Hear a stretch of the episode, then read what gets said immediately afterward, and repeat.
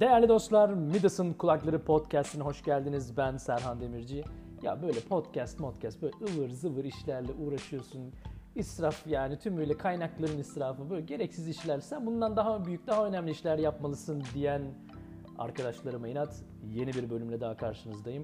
Bu hafta olumsuzluklar, olumsuz olaylar, olumsuz insanlara karşı nasıl e, cevap vermeli, nasıl e, dayanmalı gibi bir e, konu üstünde bahsedeceğiz. Birazdan başlıyoruz. Midas'ın Kulakları Podcast'i ve Serhan Demirci. Hepinize merhaba.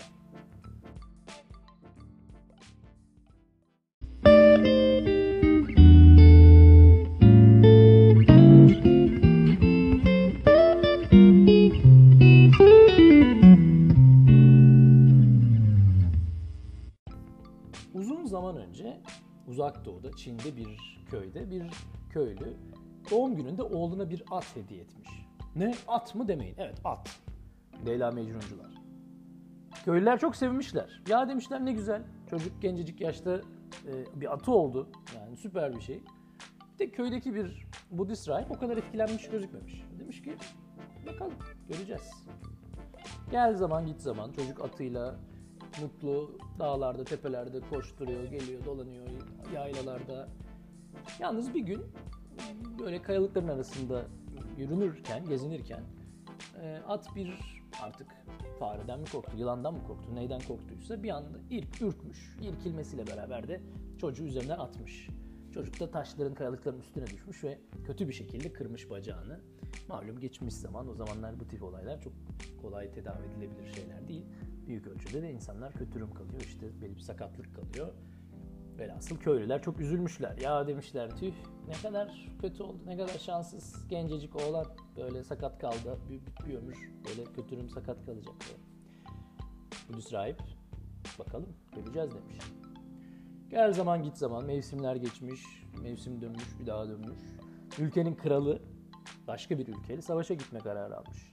Eli silah tutan ne kadar erkek varsa yaşı ne olursa olsun orduya çağırmış.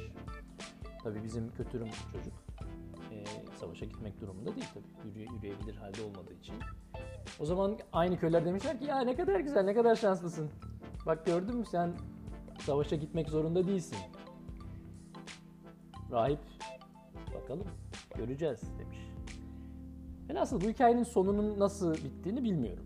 Yani bu sonunun bu hikayenin sonunun nasıl bittiğini bilen var mı? O da çok çok önemli de değil esasen hikayenin sonu. Burada önemli olan şu. Başımızdan hangi olay geçiyor olursa olsun, olumlu ya da olumsuz. Bizim o olaya nasıl tepki verdiğimiz, o olaya nasıl baktığımız önemlidir. Esas olan odur. Aynı olaya birileri ne kadar güzel, ne kadar iyi oldu diye bakarken başka birisi bu kadar etkilenmeyebilir. Göreceğiz, bilmiyorum diyebilir. Olumsuz olaylar, olumsuz insanlar bence aynı yaklaşımla düşünülmeli. Önemli olan başımıza gelen olayın iyi ya da kötü olup olmaması değil. Önemli olan bizim o olay karşısında nasıl tepki verdiğimiz, bizim o olaya nasıl baktığımız, bizim o olayı nasıl içselleştirdiğimiz önemlidir. Aynı olaya başka birisi gülüp geçebilir. Birisi dünyanın sonu, hayatının sonu diyebilir. Ve buna çok ağır bir şekilde üzülebilir. Başka birisi umurunda bile olmaz. Sallamaz. Olumsuz olaylar ve olumsuz kişilerle ilgili nasıl baş edilir sorusunda bence ilk anlaşılması gereken nokta bu. Olumsuz lafı bir kere her şeyden önce çok görecelidir. Bunu anlamak gerekiyor. Kendimize bunu hatırlatmamız gerekiyor. Gerçekten olumsuz mu acaba bu olay? Ya da bunu olumsuz olarak nitelendirmemizin sebebi ne? Bu benim için bence en önemli öğrenilmesi ya da anlaşılması, içselleştirilmesi gereken konuların başında geliyor. İlk etapta baktığınız zaman başımızdan geçen bir kaza, attan düşmek gibi. Ee, tabii nasıl olumsuz olmayabilir ki? Yani bunun buradaki olumlu şey nedir diye sormak çok doğal. Her şeyden önce bir şey söyleyeyim. Ben Pollyanna denen e, o gıcık karıya gıcık olan biriyimdir. Yani bu bir polyanlacılık değil. Aman her şey öyle bakma güzel görün her şeyde. Bunun kötü bir tavsiye olmadığını kabul etmek zorundayım.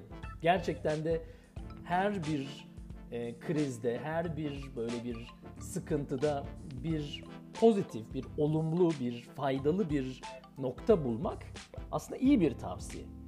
Ee, ben bu tavsiyeyi vermekte zorlanıyorum çünkü kendim uygulayamıyorum bunu kolaylıkla. Açık söylemek zorundayım. Yani bu tavsiyeyi birçok yerde gördüm, duydum, okudum ama kendim uygulayamadığım bir şeyi burada da aman onu mutlaka öyle yapın. Yani her problemde bir fayda vardır ya onu bulmaya çalışın. Demek bana çok kolay gelmiyor kendim yapamadığım bir şey olduğu için. Ama bunu e, tümüyle de yok saymam da mümkün değil. Yani her ne kadar sevmesem de Pollyanna karısını e, söylediği bir bir haklı olduğu bir nokta var yani söylediğinde. O da e, her krizde, her bir olayda yani başınıza gelen sıkıntıda ne gibi bir ders çıkarmak mümkün? Yani burada ben acaba kendim hatalı mıydım olayda? Hatalıysam bunu düzeltebilir miyim? Bir daha olmaması için ne yapmam gerekir? Bunlar önemli düşünceler. Bunlar önemli e, düşünce süreçleri. Oralardan güzel meyve toplamak mümkün. Dolayısıyla e, olumsuz bir olay karşısında çökmek yerine tekrar yani bununla ilgili aa çok kötü ya böyle niye başıma geldi böyle yapacağınız yerde biraz ya bu işte var bir hayır ama dur bakalım nedir ne falan gibi bakabilmek gerçekten faydalı bir e, yaklaşım. Bu, bu önemli. Benim çok sevdiğim ama gene de uygulamakta zorlandığım bir diğer bir konu da e, biraz koy götüne diyebilmek. Yani biraz hafife alabilmek insanın özellikle kendisini ve hayatı. Şimdi bu tümüyle böyle aman koy gitsin ya aa, ne olacak ya bir daha mı geleceğiz hayata aman takılma ya değil. Ama yani her şeyde çok fazla mesele etmemek gerekiyor. Hepi topu ölümlü dünya. Yani hayat güzel bir şey. Ne kadar acı olursa olsun, ne kadar sıkıntılar olursa olsun o kadar da böyle ego merkezli yani nasıl olur Allah'ım neden nasıl başıma böyle bir şey gelebilir? Hayır yapmaya gerek yok yani. Oluyor oluyor işte ya. Yani ne, ne ki yani? Niye bu kadar e, önemsiyorsun ki bir anlamda? Gibi bir yaklaşım. Dediğim gibi uygulamak kolay olmasa da e, faydalı olduğuna inandığım bir şey. Çünkü elbette bazı olaylar gerçekten çok acıdır. Yani Allah kimsenin başına öyle kötü olay vermesin. İnsanın dünyanın milyon çeşit hali var. Ve bundan dolayı yani burada dediğim gibi demin mesela Pollyanna karısını, karısını çok sevmememdeki temel nedeni o. Yani yani her şeyde bir böyle bir güzellik ya gerçekten çok acı olaylar da oluyor. Çevremizde e, görüyoruz, görmüyoruz ama yani onların içinde olmak gerçekten hani burada nasıl bir iyilik var ya? Yani onu demek zor ama her ne olursa olsun yani bir miktar hayata karşı hafif meşrep olabilmek, hayata karşı biraz hafif olabilmek bence önemli bir e, yaklaşım. Bu hafiflik e, dediğim gibi tümüyle koy gitsin ya böyle ama sallama ya olmak zorunda değil. Bunu çok daha derin ve çok daha böyle e, köklü bir şekilde de yapabiliriz. Stoik felsefede mesela olduğu gibi. Yani Evet olabilir. Yani demek başıma böyle bir bu hayatta başıma böyle bir şey geldi. Bu dönemde hayatımın bu döneminde bu böyle bir şey oldu ve ben bakalım buna nasıl dayanacağım, geçebilecek miyim? Yani bunu daha bilinçli bir gözlemle de yapmak mümkün ama e, yani konuyu konuyu o kadar böyle e, ölüm kalım haline getirip böyle dünyanın sonu bittim, perişan oldum demek yerine e, bunun karşıtlığı ya da başka bir anlamda bunun karşıtlığı ama salla gitsin olmak zorunda değil. Yani olaya karşı daha e, daha bilim adamı gibi bir yaklaşımı, daha böyle observe, observe yani hani gözleme dayalı, daha e, mevzuyu kişiselleştirmeden belki biraz hatta dışsallaştırarak yani bir üçüncü şahıs gibi kendini ve durumu gözlemlemek ve kendi vereceğin tepkileri bir anlamda da bu gözleme dahil etmek de bence çok güzel bir yöntem. Olumsuz olaylardan bahsettik. Biraz da olumsuz kişilerden bahsedelim. Şimdi her şeyden önce olumsuz kişi nedir? Bir kere onu da bir biraz bir düşünmek lazım. Benim temelde olumsuz kişiden anladığım şey e, frekansımın uymadığı kişidir. Olumsuz kişi her zaman e, kötü biri olmak zorunda değil. Yani gerçek gerçek kötü böyle yani gıcık, rezalet yani böyle dolandırıcı, yalancı, ahlaksız olmak zorunda değil. Çok iyi niyetli bir insan olabilir. Ama Söylediği sözler kırıcı olabilir. Çok e, aptal biri olabilir. Yani var yani etrafımızda yalan değil yani aptal insanlar var, cahil insanlar var etrafımızda. Kötü niyetli olmak zorunda değil ama aptallığıyla sizi boğabilir. Tam tersi çok zeki olabilir insan. Yani ama o kadar zeki ki arkadaş yani her şeye de mi bu kadar ya? Ya bir de bir şey de bilme bir kardeşim yani hani gibi olabilir. Olumsuz kişi dolayısıyla e, gerçekten göreceli bir şey. Yani kime göre, neye göre olumsuz kişi? Bu demin de yani en başından söylediğimiz gibi zaten olumsuz lafı özünde bir göreceli bir kavramdır. Yani e, subjektiftir. Yani sana göre olumsuz olabilir, başkasına göre hiç problem olmayabilir. Dolayısıyla kişilerde de böyle bir durum var. Olumsuz kişiler genelde benim hissiyatım, algım e, en e, en nasıl denir etkileyici o etki ettikleri konu genelde fikir ve görüş anlamında oluyor. Yani görüş olarak seninle ortak bir noktada olmayabiliyor. Ee, onun haricinde yani doğrudan sana karşı kötülük yapan bir insanla zaten e, daha farklı bir yüzleşme içinde olur insan diye tahmin ediyorum. Yani bir rakip, bir düşmanlık durumu, bir yani husumet varsa arada zaten o onunla ilgili yani yapılacak işlem bence daha bariz ortadadır, daha net. Ben daha ziyade hani doğrudan hayatınızdan kesip atamayacağınız işte bir akraba olabilir. Hatta en yakındaki anne baba olabilir, eş olabilir, arkadaş olabilir, iş or iş arkadaşı olabilir, iş yerindeki bir tanıdık olabilir. Şimdi bu insan ne yapacağız yani öldürsen öldüremez, satsan zaten işte yani anneni değiştiremezsin ya da atıyorum yani boşayacağım mı karıyı yani şeyin olmuyor diye. Şimdi dolayısıyla bir şekilde bir orta nokta bulmak zorunda kalıyor bir şekilde insanlar bu tip olumsuz kişilere karşı. Ben o olum o orta noktanın e, özde şununla çok önemli olduğunu düşünüyorum. Bir, bu kişinin davranışındaki e, ya da sözlerindeki bu etki benim kontrol edebileceğim bir şey mi?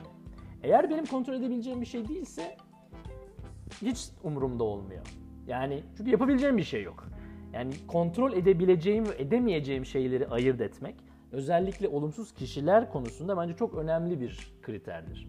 Bir kişi e, kim olursa olsun yani en yakınımdaki biri bile olsa benimle ilgili benim çok hoşuma gitmeyen bir görüşe sahipse çok bununla ilgili yapabileceğim bir şey yok. Var mı?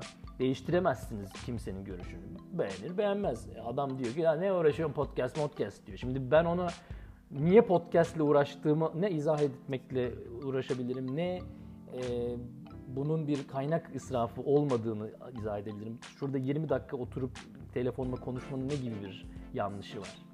Ama bununla uğraşamam çünkü bu onun görüşü.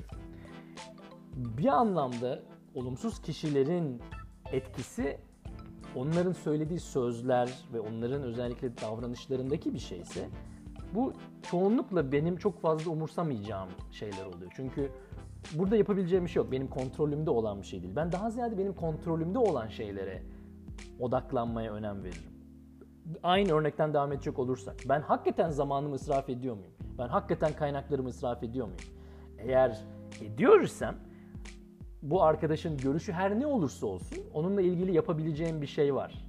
Dolayısıyla başkasının söylediği görüşler olumlu ya da olumsuz benim için çok fazla önemli bir etki yaratmıyor. Ama söylenen şeyin içinde bir gerçeklik payı olup olmadığını değerlendirmek de elbette hepimizin ödevi, hepimizin borcu.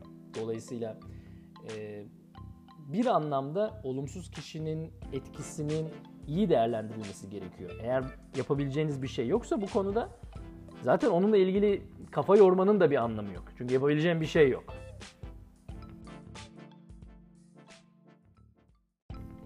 Olumsuz kişiler konusunda yapabileceğimiz şeyler yok mu? Var. Örnek. Örneğin o kişiyle görüşmek zorunda değilsiniz. Bunu ayarlamak senin elinde.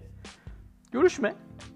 Yani bu kişi eğer seni mutlu etmiyorsa onunla, ona zaman ayırmak zorunda değilsin. İşin var. Başka işlerin var. Yani olumsuz kişiyle ilgili yapılabilecek şeyin en temel ilk noktası, ilk sorulması gereken soru benim kontrol edebileceğim şey ne? Benim kontrolümde olan e, konu ne? Onunla ilgili yapabileceğin şeyler için elinden gelen her şeyi yapabilirsin elbette. Yani ben bu adamla görüşmek istemiyorum. Ben bu adamla görüşürüm ama şu şu şu konularda onun sözünü dinlemek zorunda değilim. Görüş demin demin bahsettiğim konu gibi. Olumsuz olaylarla olumsuz kişiler özde en başında söylediğim gibi bizim onlara karşı verdiğimiz tepkinin boyutu kadar etkilidir. Dolayısıyla olumsuzluğun boyutu aslında bizim tepkimizle kaynaklanıyor. E, o kadar tepki gösterme o zaman. Takılma. Yani takılmamanın yöntemi dediğim gibi umursamamak olabileceği, daha basite yani daha hafife almak olabileceği gibi yapabileceğin şeyleri yapmak da olabilir. Çözmeye çalış. Yani çözebileceğin şey ne? Bu bir iş arkadaşıysa acaba mümkün mü, imkanı var mı kendini başka bir ofise, başka bir masaya taşımakta? Bu senin aile yakınınsa eğer mümkünse bununla konuşma şansın olabilir mi? Ya ya bana bunu anlatıyorsun abi benim hoşuma gitmiyor yani. Mümkünse bana bundan bahsetme. Demek e, çok büyük bir imkansız bir şey değil. E, biz genelde adım atmaya, e, eyleme geçmeye biraz çekiniyoruz ve bu doğal bir şey. Çünkü burada bir yüzleşme var, bir karşıtlaşma var yani karşıya karşı karşıya gelme var. Ve bu tabii kolay bir şey değil çünkü orada bir sürtünme var, orada bir e, orada bir yani problem var. O problemi gündeme getirmek var. Bunlar kolay şeyler değil. Ama çözüm de maalesef oralarda.